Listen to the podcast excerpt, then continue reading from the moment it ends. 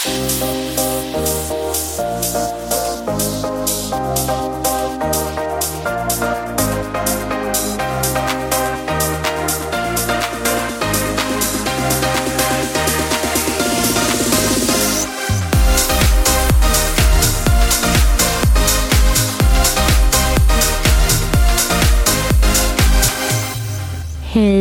Vet du vad jag fick på huvudet? Nej. Otroligt töntigt. Ja.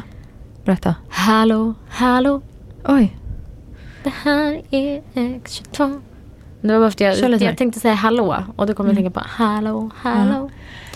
Vad var den med i Mel- Lilla Melodifestivalen? Nej. Eh, nej, var inte det här typ eh, Vintergatan? Va? Nej. Nej. Jo. Nej, det var någon sån här Singstar kanske. Nej, jag minns inte. Skitsamma. Ja. Välkommen till en faktakvart som handlar om det senaste inom diabetesvärlden. Mm. Bom, bom, bom. Spännande. Mm. Först och främst vill jag börja med att fråga, brukar du kolla på Draknästet? Ehm, jag har sett de utländska, alltså det är inget jag har följt så slaviskt varje avsnitt. Nej. Men jag tycker att det är ganska kul och jag har sett ganska många så utländska avsnitt. Men jag har tyvärr Mm. inte hunnit se något av eh, den svenska ehm, versionen. Nej. Jag har faktiskt precis börjat kolla lite på det här. Eh, och har nu sett ett avsnitt, det släpptes väl för några veckor sedan. Mm. Där då, jag skulle precis gå och lägga mig. Mm. Och Dogge, min sambo, eh, skulle fortsätta, han ville fortsätta kolla lite. Mm. Och så ropade han bara Filippa kom du måste se för då var det ju två diabetiker. Jaha. Som kom med en diabetes typ 1 uppfinning. Oj. Mm, som jag ska berätta vad det var. Ja. Då var det en, eh, hon, det var två, en syskon, en tjej och en kille. Mm. Varav tjejen hade diabetes typ 1. Mm. Och hon hade varit ute och rest någon gång. Insulinet hade råkat fryst, blivit fryst Jaha. i okej. kylen där hon hade förvarat det. Ja. Och hon blev ju jättesjuk Jaså. och fick åka in för att insulinet har ju slutat verka. Insulin får ju absolut inte frysa. Nej. Nej. Så efter det så kände hon att hon var så otrygg Mm. i det här och hur ska man veta? Mm. Så då har de, deras uppfinning var då en, ja men det såg ut som en liten fjärrkontroll nästan. Mhm. Som man då hade bredvid sitt insulin i kylen. Mm. Och den då, om det skulle vara så att insulinet hade blivit fryst. Mm. Alltså det kan ju varit fryst och tinat typ. Ja. Eller blivit för varmt så skulle den varna Okej. att det har blivit det. Så att man vet, alltså man får ringa direkt, eh, ingen live eh, så till mobilen, typ en notis att nu Nej. börjar det bli för kallt här. Nej. Nej. Utan man vet typ efteråt, okej måste jag kassera det här? Eller? Typ. Mm. Yes, Och det är, där, det är det jag menar. Ja. Skadan är redan skedd. precis. Jag blev inte riktigt såld på idén. Nej, Ja, det var inget jag skulle använda. nej. För att som du säger är det någonting man märker efteråt och Mm. blir, blir inte ännu mer stressad då. Om man liksom Ja. är utomlands och så bara okej allt mitt insulin är inte bra. Nej, precis. Eller alltså, Då hade jag hellre velat att det här var någon form av eh, kommunikation till min telefon. Så att så här, om, eh, om det är typ under fem grader eller något, jag Ja. vet inte, så börjar den larma så att jag Exakt. kan plocka ut insulinet då. Precis. Eller om det börjar närma sig över, jag vet inte vad som är gränsen, 25 grader. Ja. Alltså så, här, så att man kunde få en live-rapportering. Exakt. Så det kändes som den behövde lite mer high tech funktioner för att Mm. liksom kanske locka mig då. Som Men vad tyckte drakarna då? Nej, det var typ någon som eh, investerade. Jaså? Ja. Okej. Men jag kanske spontant kände att de inte riktigt förstod syftet med det. Nej. Vilket man ju inte gör om man kanske inte Nej. har då. Nej. Men jag hade nog blivit lite orolig. Jag hade velat haft något då som såg till att det alltid var rätt nivå bara. Ja precis, som Jobba förebygger. Exakt. Ja, precis. Så jag var inte helt såld. Nej. Men det var ju väldigt kul att det var en produkt ändå för typ 1 Ja diabetes. verkligen, och det är ju en jättebra tanke. Ja, ja. Alltså verkligen. man, man kan ju utveckla den. Exakt, krävdes lite finess. Mm. Men på tal om det så tänkte vi prata lite om liksom det senaste inom diabetesvärlden. Och jag tänkte nu, för att du har ju varit så himla duktig i det här avsnittet och förberett. Ja. Så att för er som lyssnar och för mig blir det här ungefär samma. För jag vet inte vad du ska ta upp. Nej. Så jag tänker att du kan få dela och så kan jag reagera. Ja, Mm. precis. Kul. Och då tänkte jag börja lite i samma ände. Mm. Det här med insulin och temperatur. Ja. Då, för vad jag har hört ganska länge nu, det är att insulinet behöver ju egentligen inte eh, förvaras i kylen.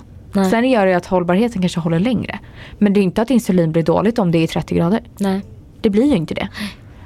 Och då att det här liksom, du vet hur man alltid har kämpat när man varit ute och rest. Man har haft sådana här friopåsar man har kyligt Mm. ner. Och man är liksom, jag var och backpackade med jävla kylbag gick och släpade på. Och is, alltså jag köpte så isflak typ. Mm. Och hackade sönder. Alltså du vet man har verkligen jobbat för det. Mm. Det är inte så. Nej. Och nu har det faktiskt kommit ut med ny forskning på det här. Ah, vad spännande. Som jag tänkte liksom så redovisa. Mm. Ehm, och det här är ju faktiskt också något ganska stort i varma länder tänker jag.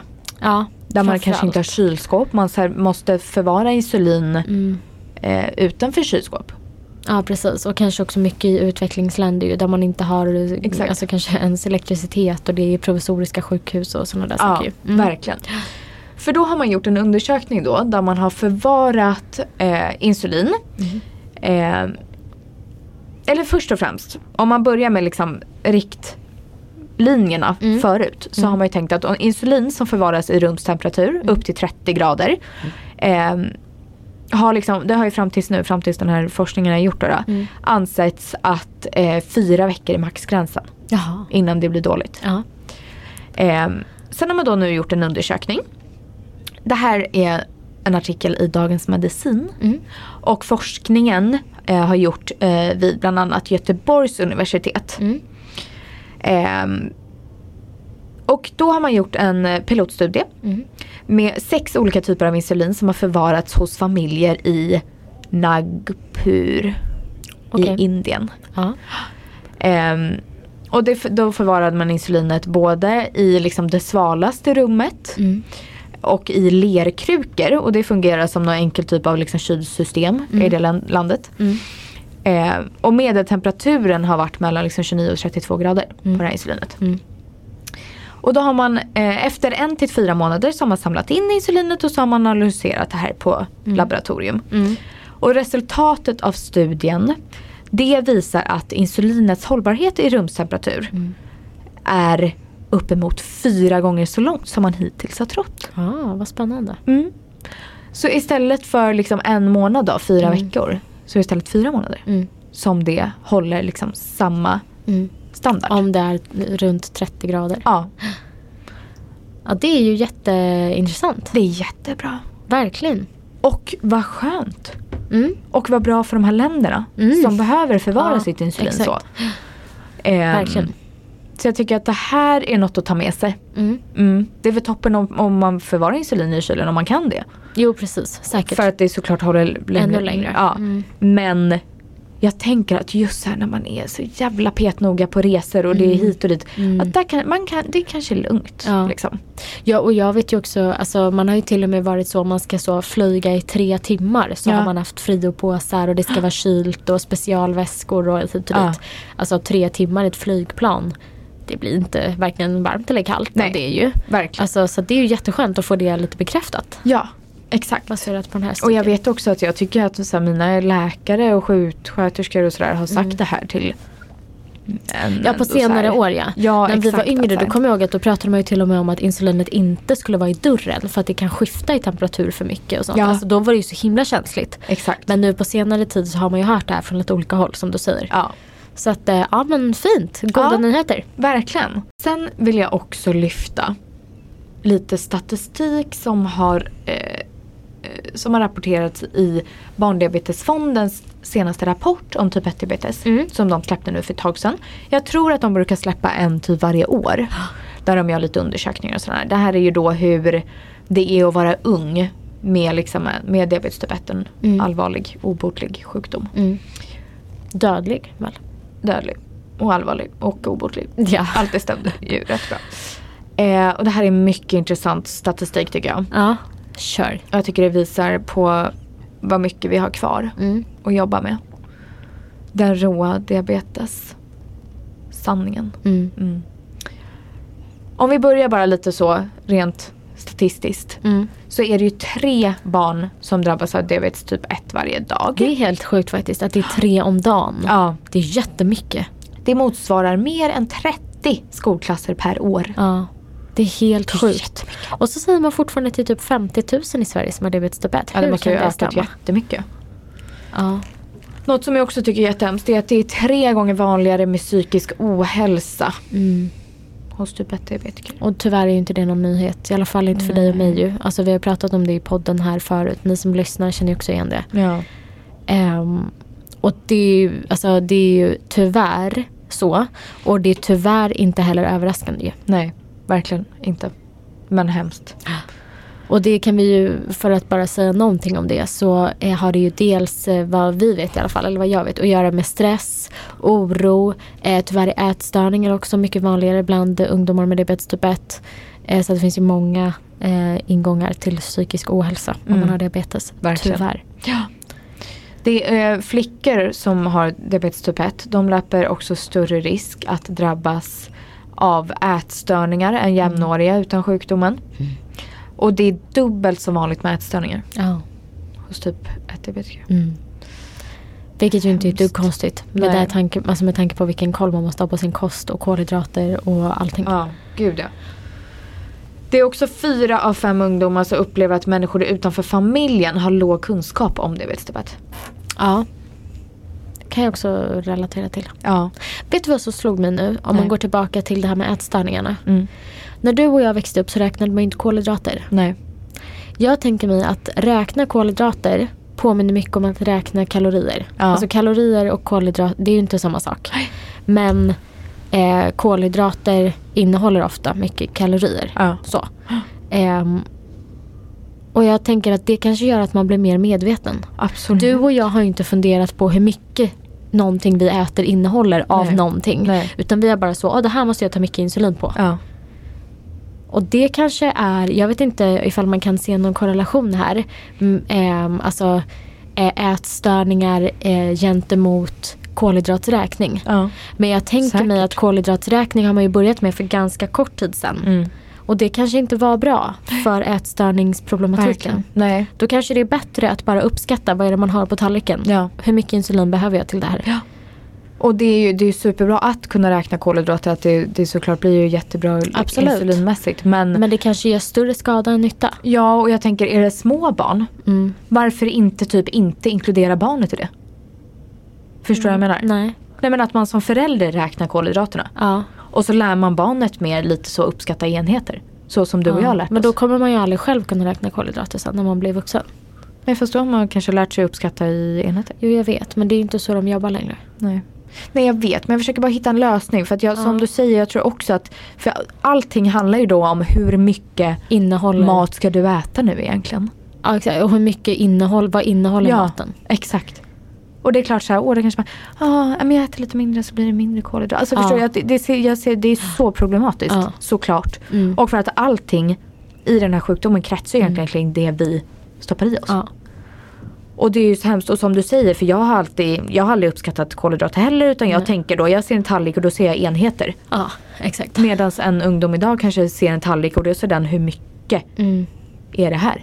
Mat. Precis. och Alltså- så tänker jag att man blir ännu mer medveten också för att det finns så himla många så här bantningsmetoder där man ska ta bort kolhydrater. Mm. För oss är ju kolhydrater livsviktiga. Ja. Alltså man kan inte undvika kolhydrater för då kan man inte ta insulin på något. Det blir jätteskevt. Mm. Men då ska man också sitta och räkna kolhydrater som någon annan ska räkna bort. Och så måste man äta det men man måste också veta hur mycket. Ja. Alltså det blir ju skitjobbigt. Ja, ja, alltså jag kan ja. verkligen förstå det.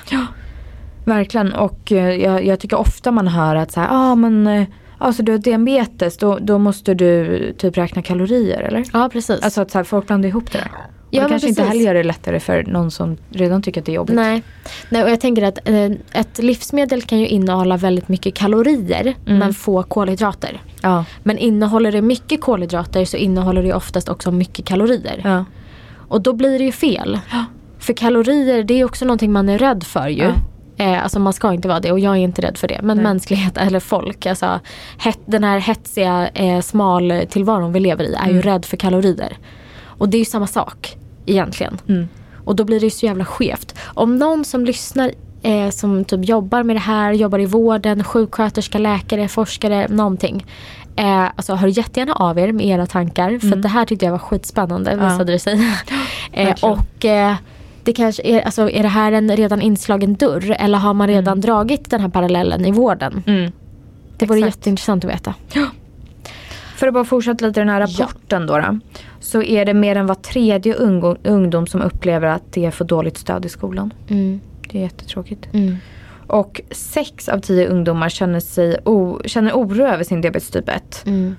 Ehm, lika många tycker att sjukdomen ganska ofta eller alltid påverkar hur de mår. Mm. Mm. Ja, alltså det är ju skittråkiga siffror. Men man Ja. blir tyvärr inte överraskad. Nej, verkligen. 81% uppger att de någon gång känt sig annorlunda och hälften har känt sig utanför på grund av sin diabetes. En av tre ungdomar har blivit retade eller kränkta. Ja, det är 30 procent. Ja. Det är jättemånga. Usch, Det är det som är så hemskt att det här också, eh, inte alltid men oftast ju drabbar barn. Mm. Och det är ju också då det är så jävla viktigt att passa in. Det är då man ska formas och växa och bli vuxen och bli den personen man ska bli. Ja, Eh, Det är då man vill vara som alla andra. Det är också så, barn kan ju vara så jävla elaka. gud ja. Det är så dumt att det ska hända just då. Ja, verkligen. Men gå in och läs mer i den här rapporten för Mm. jag tycker det är jätteintressant och sen kan alla bara så sätta sig hemma på sin kammare och grubbla hur vi ska lösa det. Mm. Verkligen. Kommer vi fram till något bra. Exakt. Men du, tack för idag. Det blev inte jättemånga så... Gud vad du började prata fort. Det? Ja. Det blev inte jättemånga sådana otroliga nyheter. Men det var ju ändå där med insulinet. Tyckte jag var ändå något Mm. bra att reda ut. Absolut. Ehm, draknästet kan alla, gå in och kolla på om man är Mm. intresserad av den här produkten. Den finns ju att köpa. Ja, kul. Ehm, Ja, och den här... och rapportens statistik. Jag tycker att det, Exakt. det är bra att veta i siffror Mm. hur vi ligger till med allt. Verkligen. Mm. Jätteviktigt. Och jobba där efter. Tack för idag. Tack för idag. Hej då.